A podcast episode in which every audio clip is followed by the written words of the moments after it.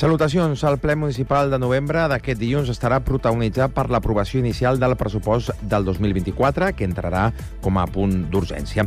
D'aquesta manera es podran conèixer els detalls d'uns comptes que des de l'Ajuntament fa setmanes que anuncien que seran molt reduïts. A banda del pressupost, a l'ordre del dia figuren altres temes, com que el santquatenc Manel Sánchez se sumarà a la llista de fills predilectes de la ciutat, el ple municipal ratificarà la declaració de la Junta de Portaveus en què acorden aquest nomenament. Sánchez va presidir la Federació d'Associacions de Veïns de Sant Cuat i va estar implicat en diferents causes socials com la defensa del medi ambient i la sostenibilitat, l'Agenda 21 i l'Agenda 2030. A més d'iniciar la tramitació d'aquest reconeixement, els grups municipals també s'uneixen a les declaracions del Dia Mundial de la Infància i a motiu del Dia Internacional per a l'eliminació de la violència envers les dones. El debat arriba amb les nou mocions presentades pels partits amb les quals es posicionaran sobre la regulació dels lloguers, el servei de rodalies, la gestió de l'aigua i la contenció fiscal, entre d'altres. La sessió té lloc aquest dilluns a partir de les 3 i a les 7 serà el moment de l'audiència pública. El ple municipal es pot seguir, com sempre, en directe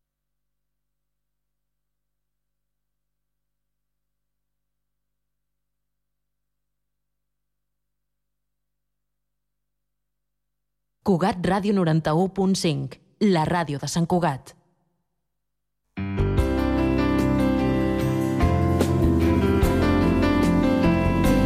personal d'administració i serveis, així com membres de l'AFA i famílies. Els membres del Consell Escolar són elegits per un període de 4 anys i es renoven per meitats cada dos anys. El calendari fixat per la Generalitat marca que les votacions poden fer fins aquest divendres, 24 de novembre, per poder constituir els nous Consells Escolars no més tard del 19 de desembre.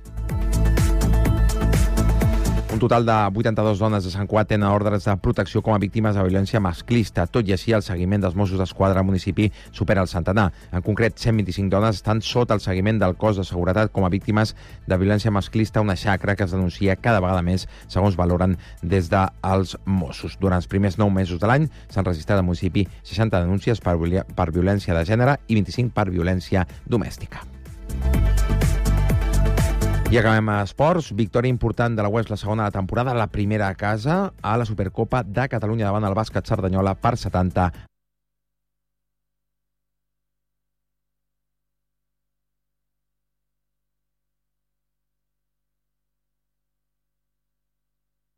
Cugat Ràdio 91.5, la ràdio de Sant Cugat.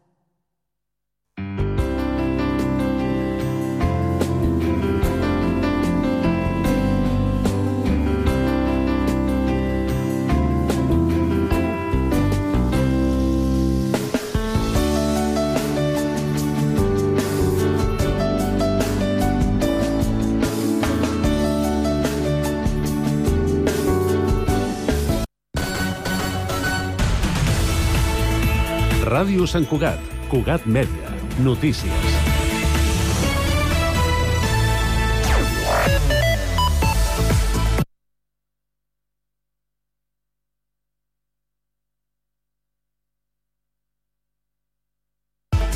Salutacions. El ple municipal de novembre d'aquest dilluns estarà protagonitzat per l'aprovació inicial del pressupost del 2024, que entrarà com a punt d'urgència.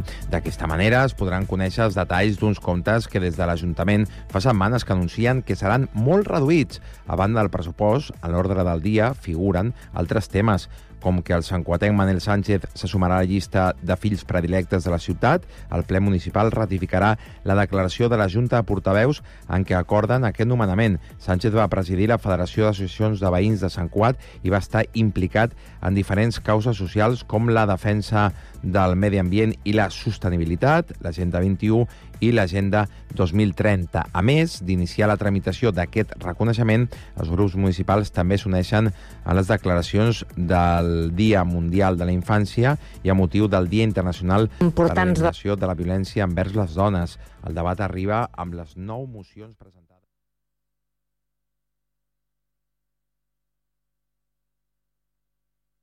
Cugat Ràdio 91.5, la ràdio de Sant Cugat.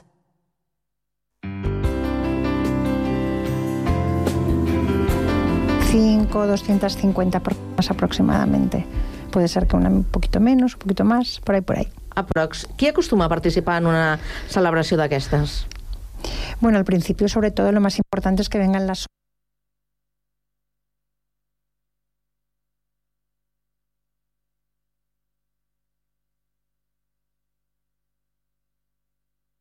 Cugat Ràdio 91.5, la ràdio de Sant Cugat.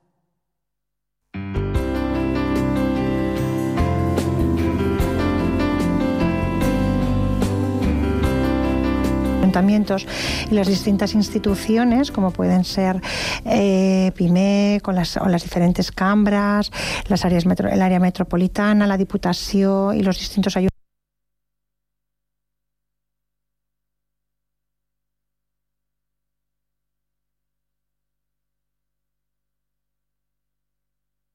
Cugat Ràdio 91.5, la ràdio de Sant Cugat.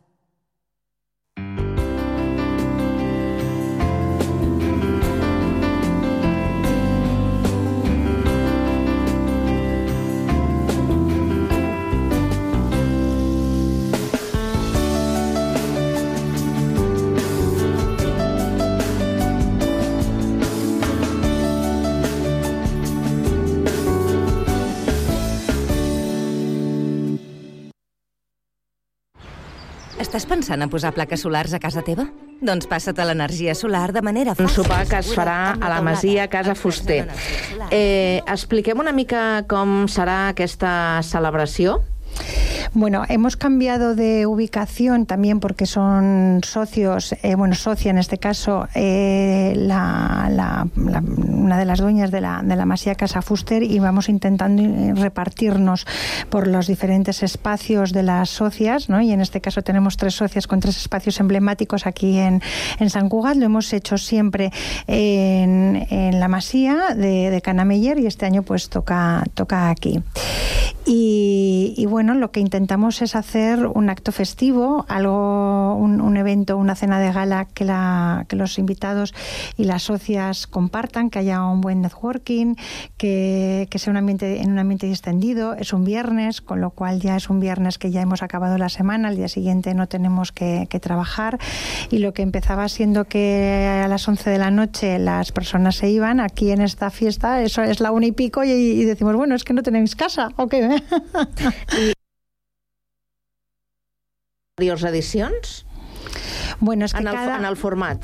es que cada año cambiamos los, los formatos, ¿no, Cris? Sí, cada año cambiamos un poquito los formatos, lo que pasa que es un poco sorpresa. ¿Eh? Ah, que no, podem No avançar... podemos explicar según qué cosas, ¿eh? un poquito sorpresa. Ver, Ah. lo que sí todos los años hacemos es lógicamente pues la, lo que sería pues la, la entrega de, de los premios, en el que bueno pues hay unos vídeos en los cuales pues los premiados se presentan, luego pues bueno recogen el premio y también pues bueno dicen eh, unas unas palabras, pero luego eh, cada año un poquito pues hacemos cositas diferentes que no podemos desvelar. Para que no sean unos premios al uso, nosotras, eh, la, la Junta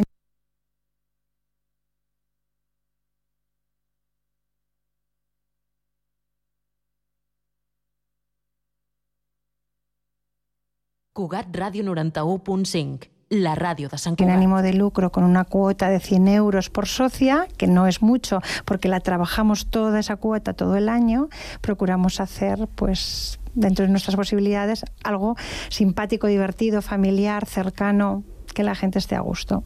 I que no podem desvetllar, que no podem explicar. El que sí que podem explicar eh, són eh, els, els premis i qui s'ha fet eh, eh, un guanyador o mereixedor d'aquests guardons que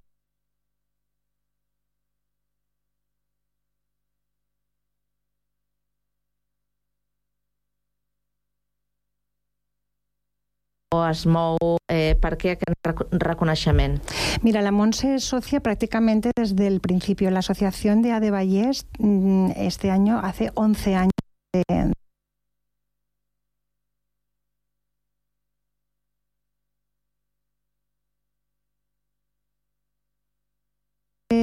ella es una, mujer que, sobre todo se traba- trabaja lo que son todo el tema de negocios digitales y la transformación digital.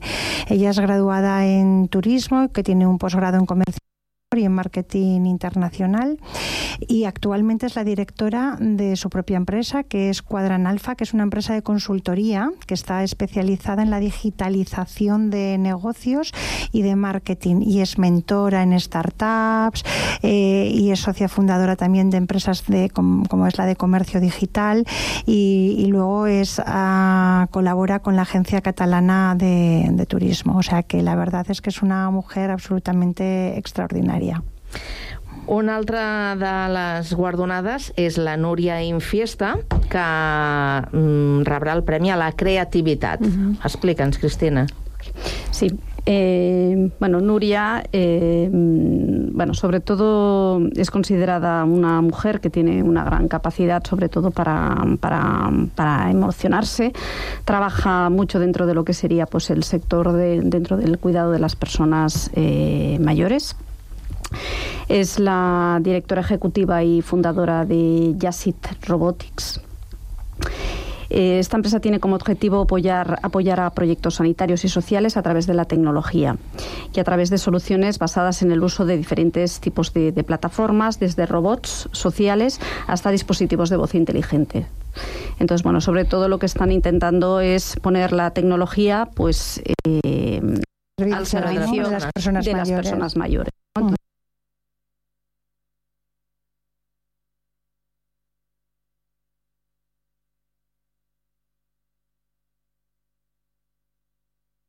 Cugat Ràdio 91.5, la ràdio de Sant Cugat.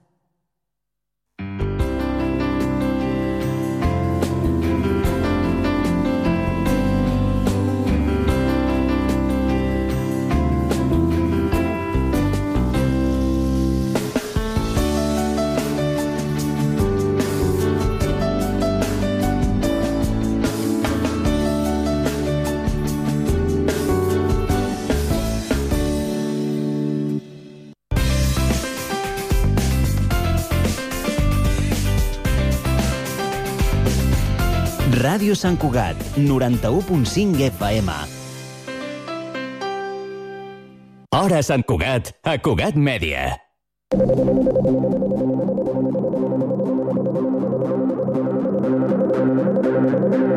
Mm, no significa que un hombre que dirija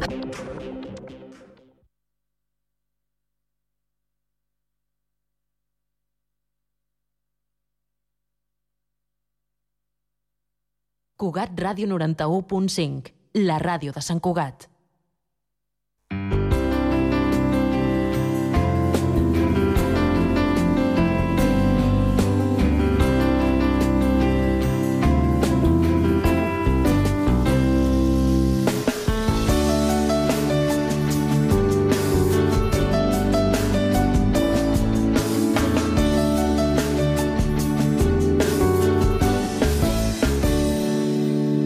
Estos, eh, estos lobbies o círculos en los que, bueno, pues está como la, la gran sociedad catalana en el que es como más cerrado, mucho más patriarcado, y él consiguió hacer que se abriera, ¿no? Y que se abriera mucho más el círculo a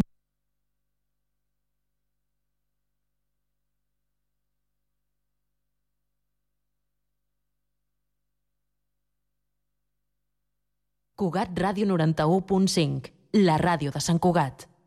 más y esto es lo que realmente él ha hecho dentro de la dentro de la organización abrirlo mucho más al mundo a que se conozca este este lobby dentro de la sociedad catalana. Aparte él es abogado y especialista en derecho mercantil y profesor en, en ESADE secretario general y director de los servicios jurídicos también de, de ESADE y, y, bueno pues eh, no sé es una persona muy entrañable. Yo creo que, que os gusta a conocerla. Y por último, el premio honorífic a Josie Enan Saez. Bueno, a ver, eh, Cristina me dice, dilo tú, dile tú, me lo está diciendo ahora. Al final luego terminarás hablando tú más. ¿eh? Pero ¿sabes por qué lo dice Karma? Porque yo tengo una relación muy especial con, con Yoshi. ¿Ah, sí?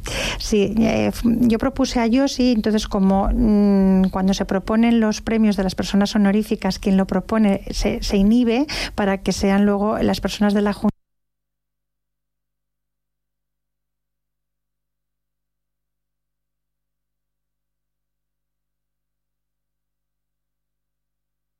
Cugat Ràdio 91.5, la Para ràdio ella, de Sant tú y Cugat. yo y, y Cristina y todas las oyentes podemos hablar en voz alta con libertad porque ha ayudado a que nosotras tengamos una, una voz. Ella tiene en estos momentos 70 años y tiene una trayectoria profesional absolutamente espectacular y toda su vida se ha dedicado, aparte de la enseñanza, que era su profesión, se ha dedicado a ayudar a mujeres dentro de los colectivos asociativos. Por lo tanto, es una mujer con un recorrido absoluto.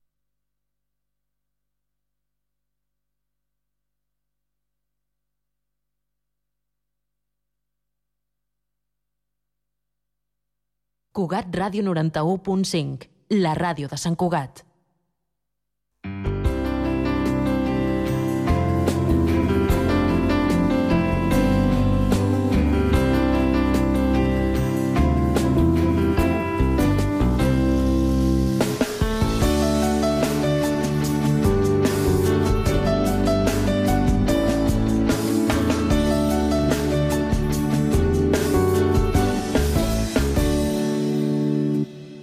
És el mateix ser els integrants del millor grup de la història que ser el millor grup de la història. tenemos psicólogas, això, tenemos eh, coach, eh, tenemos especialistas en comunicación, en marketing, consultoras de igualdad, Finanzas, eh, financieras, auditoras, auditoras, altas ejecutivas. altas ejecutivas.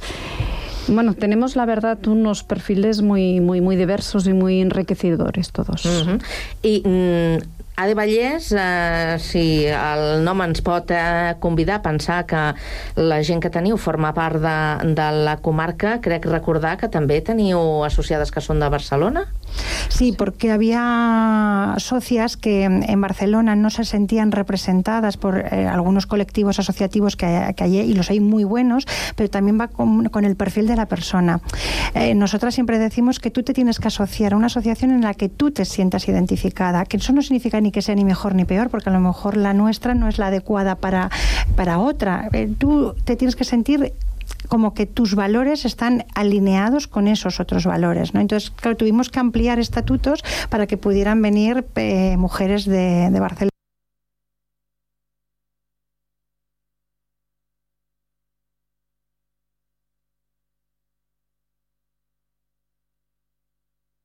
Cugat Ràdio 91.5, la ràdio de Sant Cugat.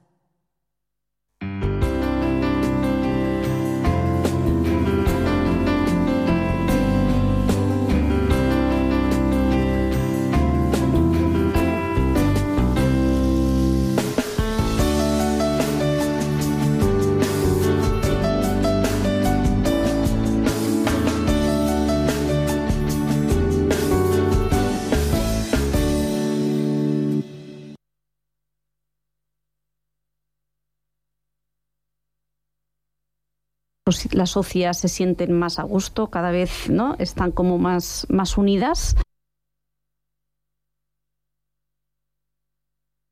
negocios, proyectos, que te vas enterando que entre las socias van haciendo proyectos compartidos.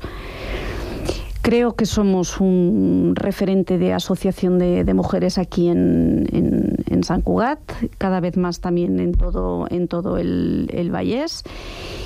Y cada vez estamos haciendo proyectos más, más importantes, más interesantes. También desde la asociación, pues eh, intentamos, eh, bueno, pues repartir los proyectos y que sean nuestras socias realmente las la que, las que realicen y ejecuten esos, esos proyectos. Eh, estamos dando más visibilidad cada vez más a las socias, potenciando, pues eso, la igualdad en el mundo, mm, tanto en el mundo empresarial, laboral, como a nivel social. Y, bueno, creo que, que estamos creciendo y que estamos eh, desde la Junta muy contentas de estar donde estamos y de seguir en, en un futuro en ese camino un camino de crecimiento. O sea, yo lo situaría en eso, en un camino de crecimiento y siendo un puntal de referencia para, para las diferentes instituciones y para los distintos ayuntamientos que cuando quieren hacer ponencias, mesas redondas o te llaman de las diferentes radios, como es la vuestra, o las diferentes eh, televisiones, pues nos, nos llaman pues porque necesitan perfiles como, como los que te ha dicho antes Cristina, porque tenemos muchos allí dentro. Doncs, eh, senyores Mònica, Cristina, que vagi molt bé aquesta celebració, la cinquena nit dels Premis AD Vallès i 11 anys ja de, de vida. Segurament que teniu molts més per complir. Que vagi molt bé. Gràcies, Carme, per l'oportunitat. Gràcies. Bona tarda. Gràcies. 24 de novembre, la Masia Casa Fuster a les 8 del vespre. Encara hi ha oportunitat per I apuntar-s'hi. tant, www.advallès.cat. Gràcies. Bona tarda. Thank you.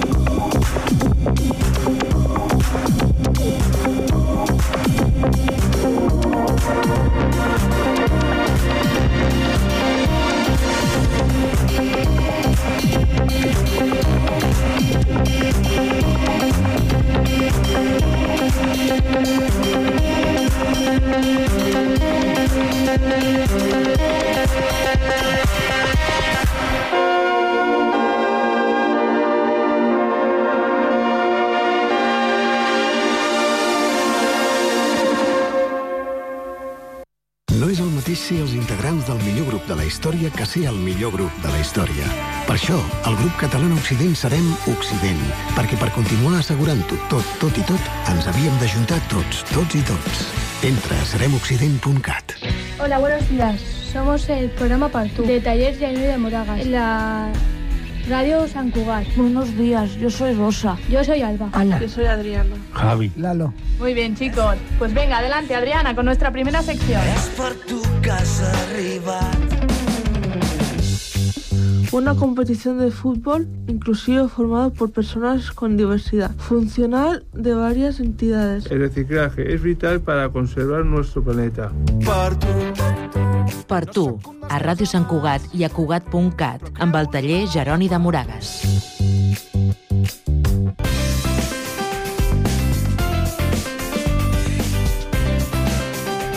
Ràdio Sant Cugat, Cugat Mèdia, 91.5 FM. Hora Sant Cugat, a Cugat Mèdia. Continguts en xarxa.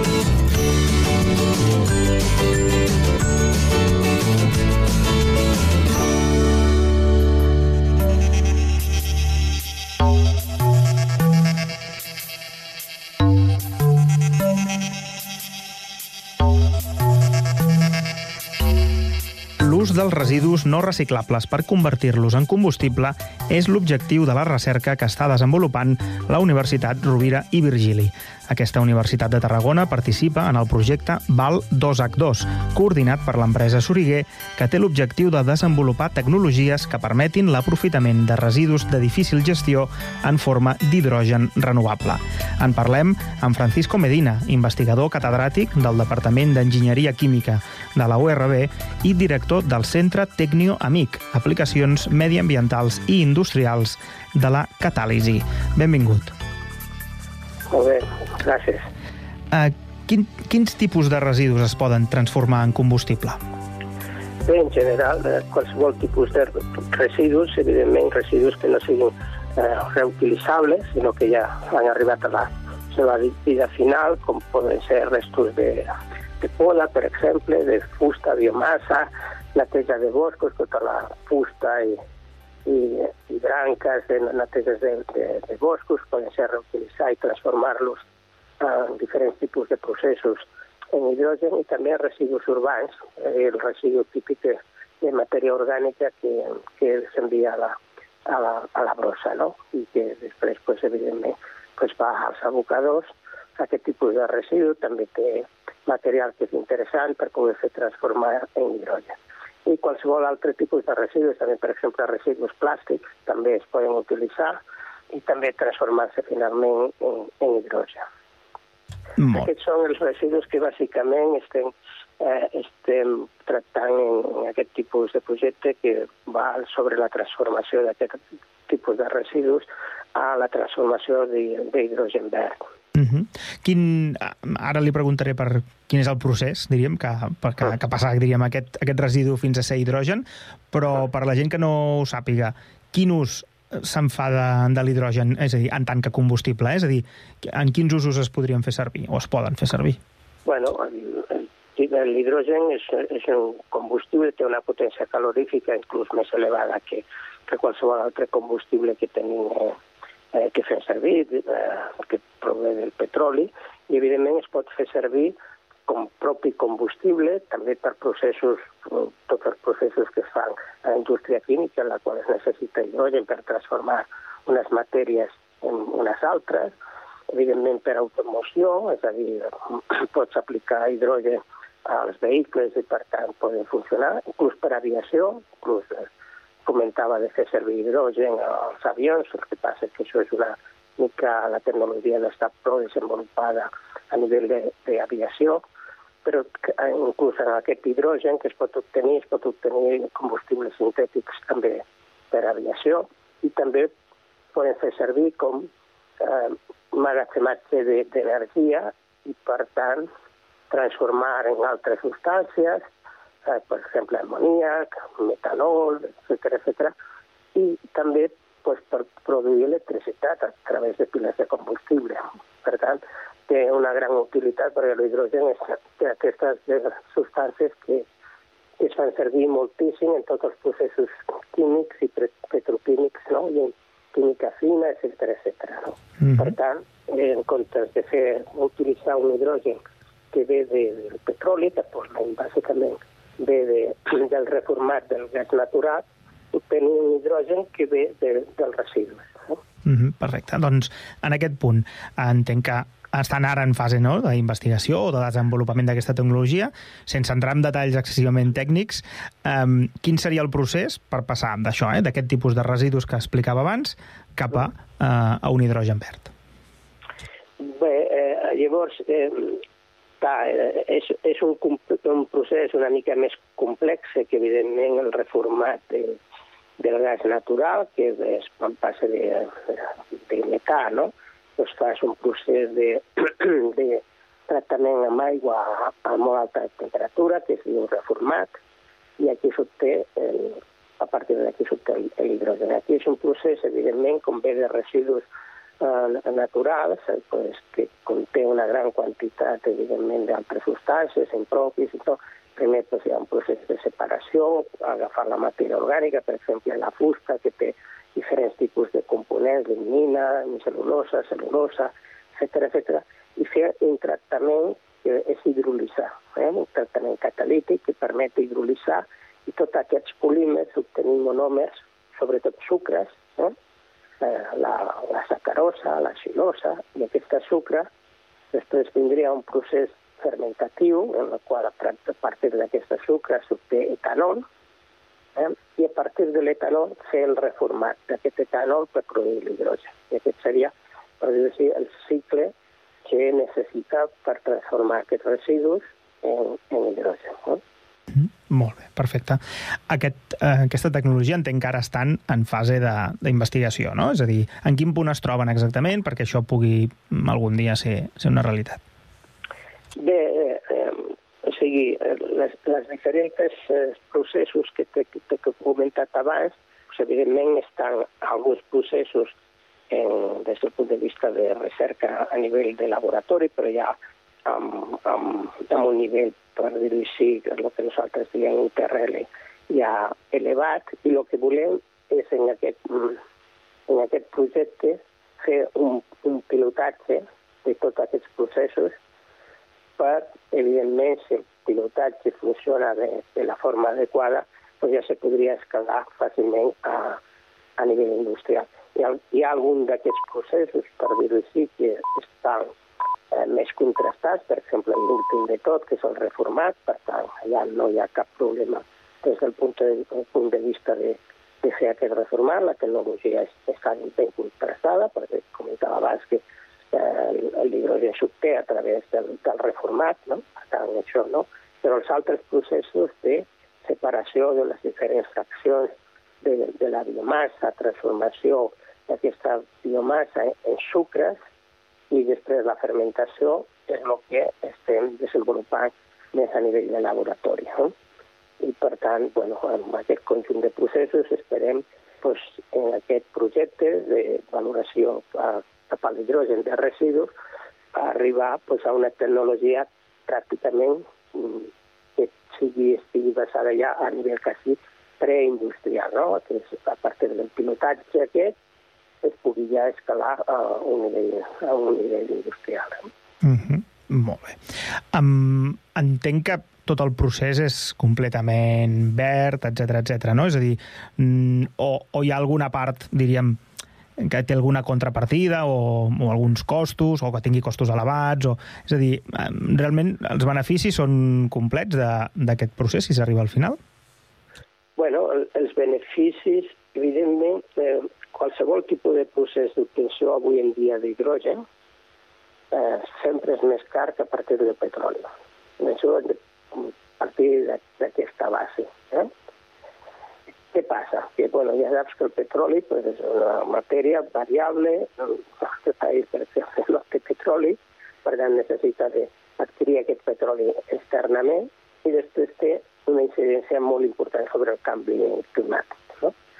Per tant, s'està investigant moltíssim en tenir, a partir d'aquests eh, residus, aquests recursos, transformar aquests residus en recursos per produir l'hidrogen.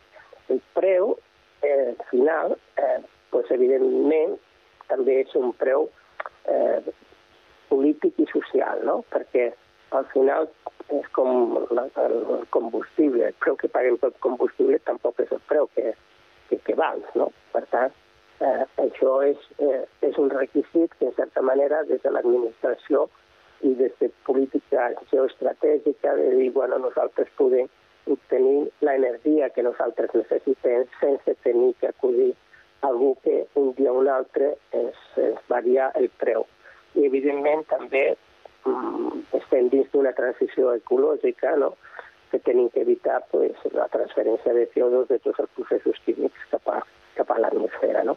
I, per tant, aquest seria eh, un dels requisits i, per tant, el, el preu en si eh, va englobat en tot aquest paquet, per dir-ho així, de mhm. beneficis globals de tot aquest procés, no? des de molts àmbits diferents, no? estratègic, polític, eh, de, Correcte.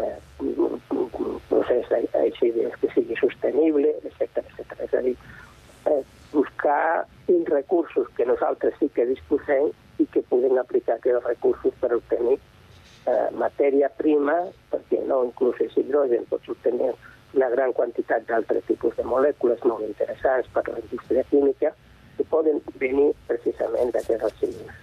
Molt bé, perfecte.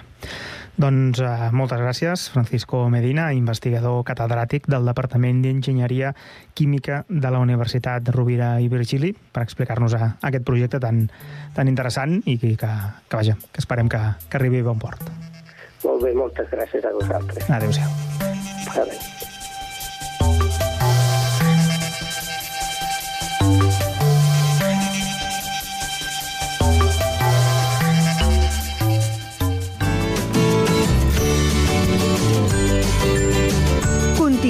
En xarxa.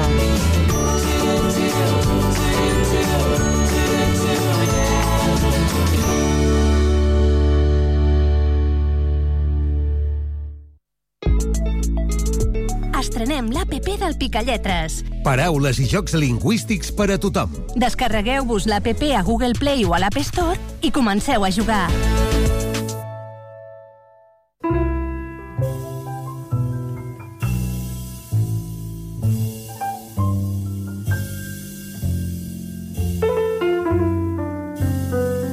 La bona música, amb Lluís Bonamusa. Un espai de Mataró Ràdio per la xarxa de comunicació local. Els diumenges, a les 3 de la tarda, al 91.5 FM.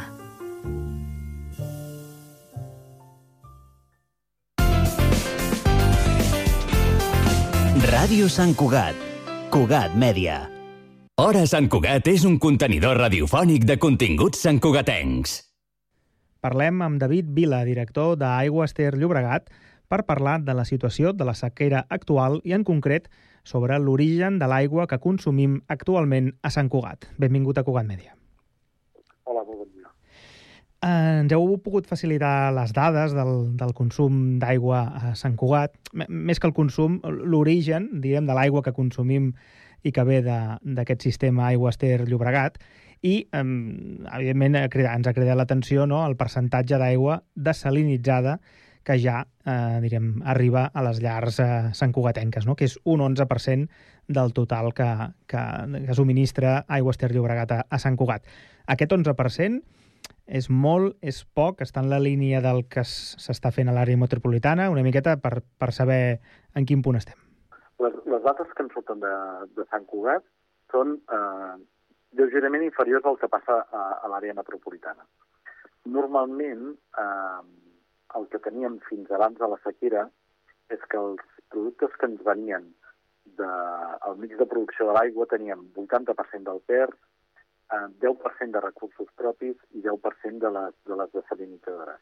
Aquests percentatges que, que ara explicarem són única i exclusivament de la quantitat d'aigua que aporta el sistema Ter Llobregat a, a Sant Cugat. En cap cas estem fent referència al conjunt del consum de la població perquè Sant Cugat també disposa de, de recursos propis. Eh? Per tant, només de, del que vestim des de, des de Ter Llobregat. En aquest cas, què veiem?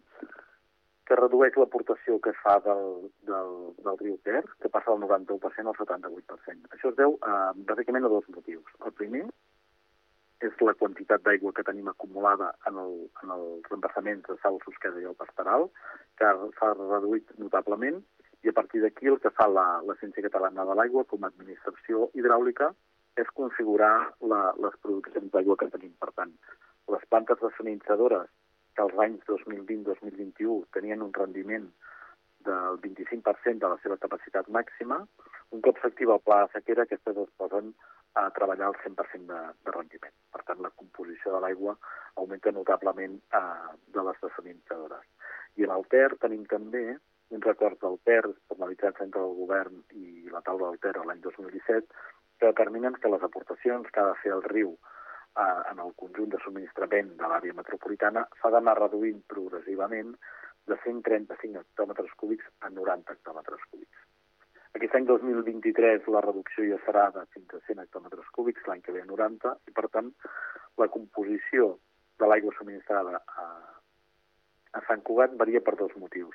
Un, per la pròpia sequera, en què s'han hagut d'activar aquests nous recursos de les plantes desalinitzadores, i en segon lloc per aquests compromisos de l'acord del Ter que ens obliguen a reduir l'aigua captada d'aquests punts. Mm -hmm. Molt bé. Um, el que potser es pregunta la gent, igual és una pregunta que té una resposta molt senzilla, però jo crec que segurament molta gent s'ho preguntarà, és l'aigua és igual? Té el mateix gust? Entenc que de qualitat passa tots els controls, però l'aigua és igual? La desalinitzada que la no? L'aigua té el, el... Hem fet, mira, hem de, de tancar un panell de tast de les qualitats de, de les aigües eh, abans dels processos de, de potabilització definitius. Eh?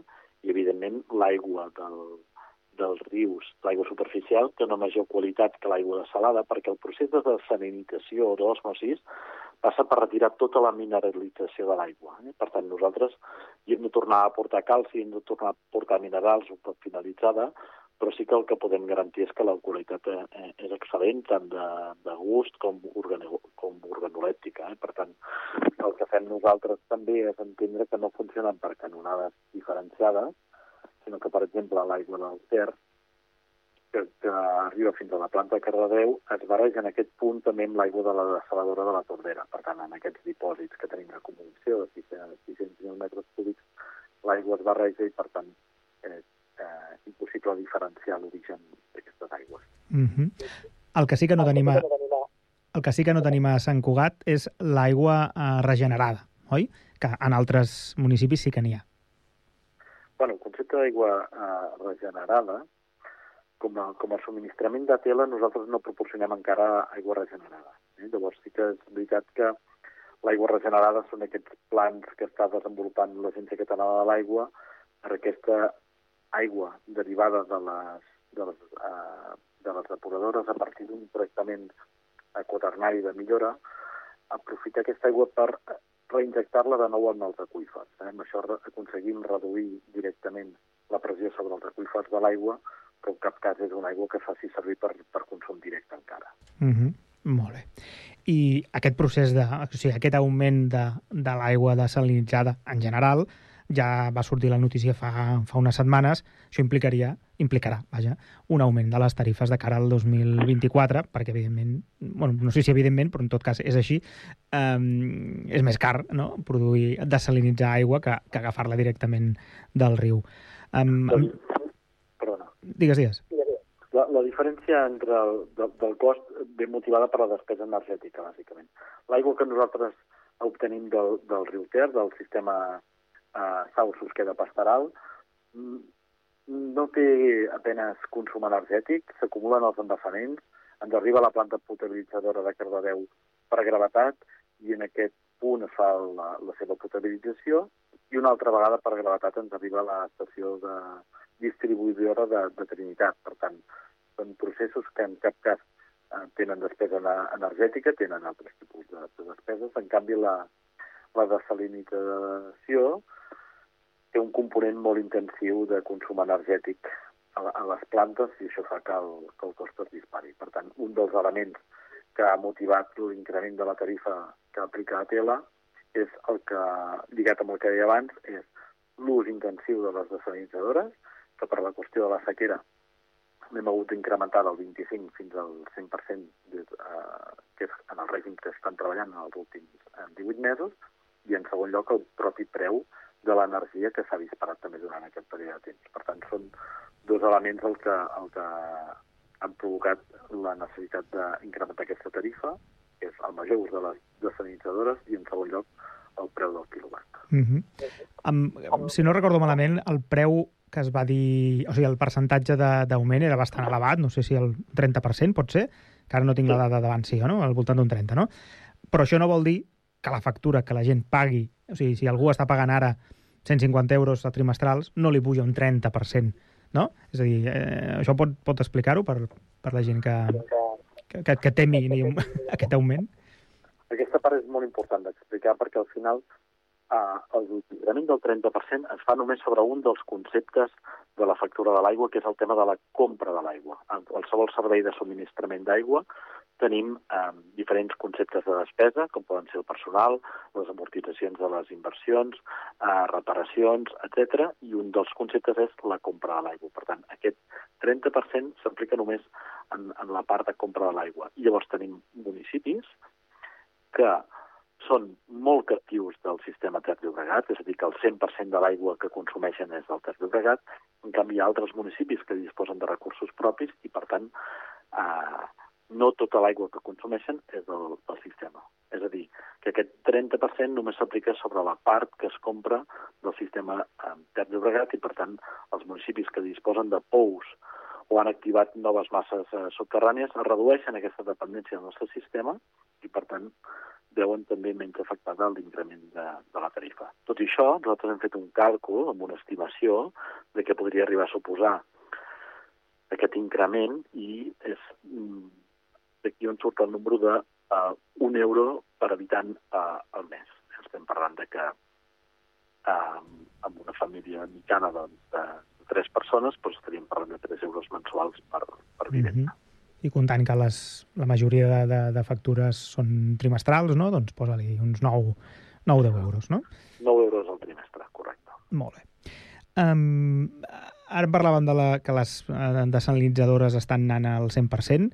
Um, ara mateix, a Catalunya, quantes n'hi ha funcionant? Crec que són dues, no? A, a tenim dues plantes dues, desalinitzadores, eh? una de l'any 2001 que està situada a la Tordera i la del 2009 la del Prat. La de la Tordera té una capacitat de fins a 20 hectòmetres cúbics i la del Prat de 60 hectòmetres cúbics. Uh -huh. Per tant, té un, un total de 80 hectòmetres cúbics i estan planificades dues noves plantes desalinitzadores, una segona a la zona de la Tordera, també, que aquesta seria de 60 hectòmetres cúbics, per tant, aquí estaríem sumant un total de 80, i una quarta desalinitzadora eh, al Foix, a Cubelles, de 20 hectòmetres cúbics. Per tant, uh Mhm. -huh. un cop finalitzada aquesta inversió, disposaríem de 80 hectòmetres cúbics més d'aigua eh, per subministrar a la xarxa. Perquè el, ara que miràvem les dades, no? de, de, tornant a les dades de Sant Cugat, que el 2020 i el 2021 el, diríem, rebíem el 0% d'aigua desalinitzada, això vol dir que segurament el 0% no tornarem mai més, no? en general. És a dir, sempre hi haurà una, una part no? Del, de l'aigua que acabarem eh, sent desalinitzada, no? Un percentatge serà més gran o més petit, no?, en funció de, dels cabals, però, però ja no tornarem al zero. La, la, la, la idea és que a, a, som conscients que a, a curt termini no, no es tornarà al zero. Però en, dins l'exercici que estem fent de resiliència en tots els àmbits d'actuació, els ajuntaments eh, segurament prendran, estan prenent les seves mesures i, per tant, la dependència d'una xarxa en alta com el Ter Llobregat, la tendència és que també es vagi disminuint. Què vol dir això? Si l'Ajuntament fa un esforç en inversió en la xarxa en baixa, es redueixen les pèrdues i, per tant, redueix també la necessitat de comprar en el nostre sistema de Llobregat. Si l'Ajuntament activa nous pous, doncs eh, en la mateixa línia. I si s'acaba eh, aplicant algun sistema d'utilització d'aigua regenerada, doncs entrem a la mateixa línia. Per tant, estem en una corba ascendent de l'ús de l'aigua desalinitzada, però que la tendència hauria de ser a, a la seva reducció. Uh -huh. Podríem arribar a la conclusió que posar 15 plantes desalinitzadores seria la solució al sistema, però hem vist que aquest és un sistema... No és que sigui ineficient, perquè ho és molt, però és car. És car. Per tant, hem de buscar fórmules eh, mixtes que eh, eh, tinguin en compte que plourà menys, tinguin en compte que hi haurà menys aigua en els embassaments, s'han de buscar noves eh, fonts alternatives que passen per eh, la mobilització d'aquestes masses subterrànies en pous i per la millora de les eficiències de les xarxes en baixa. Perfecte. Doncs moltes gràcies, David Vila, director d'Aigües Ter Llobregat, per explicar-nos eh, una mica com, com estem i el dibuix en el que, que ens trobem pel que fa, diríem, a, a l'origen de l'aigua que, que consumim. Moltíssimes gràcies. Molt bé, gràcies a vosaltres. Estrenem l'APP del Picalletres. Paraules i jocs lingüístics per a tothom. Descarregueu-vos l'APP a Google Play o a l'App Store i comenceu a jugar.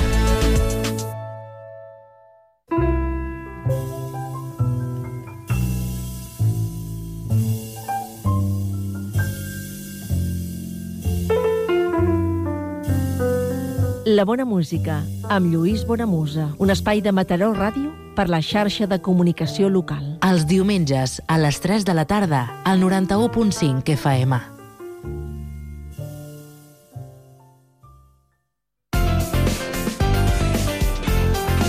Ràdio Sant Cugat. Cugat Mèdia. Hora Sant Cugat, a Cugat Mèdia. Del residu al recurs. Gestió municipal dels residus perquè passin a ser una solució en comptes d'un problema. Casos d'èxit i consells per no generar més deixalles del compte a casa amb el Joan Ibars, ambientòleg expert en gestió de residus. Joan Ibars, ambientòleg expert en gestió de residus, benvingut una setmana més, un capítol més a les 50 maneres de salvar el planeta. Avui, un nou tip. Quin? Mira, avui eh, parlem de roba de segona mà. Mm? Concretament del... No, tampoc és, una marca que jo utilitzo molt, no per res, però és així, però del Zara, del Zara, i m'ha fet gràcia perquè he buscat molta informació. Perquè Com? va sortir una notícia... Roba de segona mà del Zara, això existeix? Sí, sí, sí. Millor sí. Sí, ara, o sigui, just ara estan preparant un, un nou servei que es diu Zara Pre, Preont, Preonet, vale? que és eh, de, vol dir com nou, nou propietari o de segon propietari, Sí? vale? i això, doncs, que, que és, és, un, és l'entrada del grup Inditex, diguéssim, al negoci de segona mà. Uh -huh. Vale? El seu sí. objectiu és el, el de això, allargar, la, bueno, a part de fer negoci, m'imagino, doncs allargar la vida útil de les peces de roba, llavors complir els seus objectius de, també de sostenibilitat, economia circular, que, bueno, que també cada vegada, cada vegada el consumidor els demana més. Aleshores, perdó, això ho fan a través d'una nova plataforma que es diu així, Preowned, ¿vale? Uh -huh. i que ja funciona a altres països, com per exemple Anglaterra o França. ¿vale? I què et permet aquesta plataforma? Te permet eh, vendre, vendre de roba, mà, de, de roba de segona mà entre usuaris, Sí? també reparar-la, o servei de, de reparar, ¿vale? de reparar la roba, i donació. Vale? Aleshores, diguéssim, tu amb aquesta, aquesta app pots fer, tens aquestes tres opcions i aleshores, doncs, al final eh, el servei de, de revenda no? És semblant al d'altres plataformes, no? tipo Vinted, per exemple, Sí, o això, Wallapop. això ja existeix, no? Sí, sí, això existeix, però aquest és exclusiu del, de la roba del Sara. Sí. Vale? Llavors, què passa? Que tu quan la puges mm, la descrius segons un catàleg oficial del producte. Vale? La busques i, i, i, i, i vens algo que ja sortia al seu catàleg. Per tant, la primera imatge, la que fiquen ells, és la del seu catàleg. Després, quan cliques, surt la imatge del propietari, o la propietària que ven la roba. Eh, també et donen l'opció d'escanejar el codi de barres i que ja pugi com directament. Llavors, però el preu després també el fiques tu, perquè és una relació entre, entre particulars, ¿vale? Sí. el tema de la venda. És molt semblant al Vinted, per dir alguna cosa. Uh -huh. Mm? L'únic, la diferència és aquesta, el tema de, de, que ho has de pujar segons el catàleg i que soles amb prendes, eh, amb peces de roba de, siguin- del Sara. Del Zara. D'acord. Vale. Sí. Després, mira, també pots demanar, hi ha l'opció de demanar la reparació online o si no, escollint una tenda. Allí també tens un menú que eh, jo és que he, he buscat la, la versió anglesa i he xafardejat, saps, el que es sí. pot fer. Uh -huh. Llavors allí tens un menú i que el vas completant i al final te donen un pressupost de reparació i també si vols que t'ho passin a buscar o ho portes tu a una tenda. Vale, això per reparar, per, per exemple, doncs, botons, mm, cosit, coses així. D'acord? Uh -huh. Però han de ser també robes del Zara. Sí, sí, sí, clar. Sí, sí, tot és del, del Zara, sí, sí. Entenc, sí. mm, No sé si, clar, és un grup molt gran. No sé si sol és Sí, del... d'Inditex, pot ser. Potser és d'Indi... Sí, però el nom és Zara, Zara Preon. O sigui, per tant, fan referència al Zara. Zara. Uh -huh. I per últim hi ha l'opció de donar. Vale? Aquesta opció de donar, mm, aquí a, a Espanya, diguéssim que estan vinculats o relacionats amb, eh, amb l'empresa de Càritas, vale? una empresa amb, bueno, amb l'entitat Càritas, que ja fa molts anys que fa la recuperació de, de roba a través de, a tot l'estat, no? a través d'empreses locals, no? per exemple aquí a Lleida hi ha els de roba amiga, bueno, a nivell de Catalunya, altres llocs del, de l'estat hi ha altres empreses, ¿vale? I ara hem fet com, bueno, ja estan fent des dels últims anys una cadena de, de botigues que es diu Moda Re, ¿vale? Llavors aquí eh, estan col·laborant amb, Sa- amb Zara, Uh -huh. ja tenen, cent, ells ja tenen 130 establiments a nivell d'Espanya, mm, donen lloc a 1.300 persones, ¿vale? i el 50% d'aquests llocs està reservat a, a personal d'exclusió social. Aleshores, aquí també es fa a través del, de l'app. Llavors també hi ha l'opció de donar i també ho pots, normalment pues, ho- t'ho passen a buscar a, casa. D'acord? Quedes. És com fer una, un acord. Uh -huh. Suposo que també ho pots portar a la botiga. En aquest cas, per exemple, la marca H&M també ho feien això. L'únic que no sé segur, no sé en qui estan associats o no sé si ho porten a, a reciclatge de tèxtil, ¿vale? No sé què, en aquest cas què en fan. I bueno, bueno doncs això eh, que m'he fixat amb, amb, amb aquesta notícia perquè, clar, quan he vist que, doncs, que hi entra en aquest tipus de mercat no? aquest tipus d'empreses pues, vol dir que, que, que, que, li ha, que, que ja no és cosa, una cosa minoritària, no? que és una cosa mm, Que s'hi sumi al carro fins i tot, no? El grup Sí, Inditex. sí, que és una cosa ja global, sí, sí, global i que, i que si, si veuen futur, no? Llavors he buscat més informació de com funciona i com està aquest, aquest sector, no? Hi ha, a Espanya bàsicament hi ha dues empreses que, que ho fan a través d'internet, que és Vinted, que és la líder a, Europa, i després una que es diu Mic Micolet, vale? que Mhm. està més, més especialitzada en peces d'alta qualitat. Bueno, això és el seu, el seu estàndard diferencial.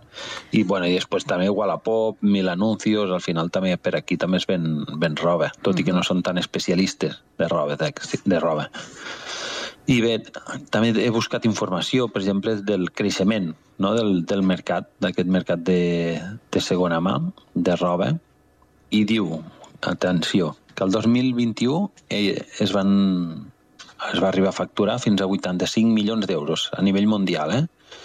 però que el 2026 es, es, creu que es doblarà aquesta quantitat i segon, segons el- l'estudi de, de l'entitat o l'empresa Consumer Trends, no?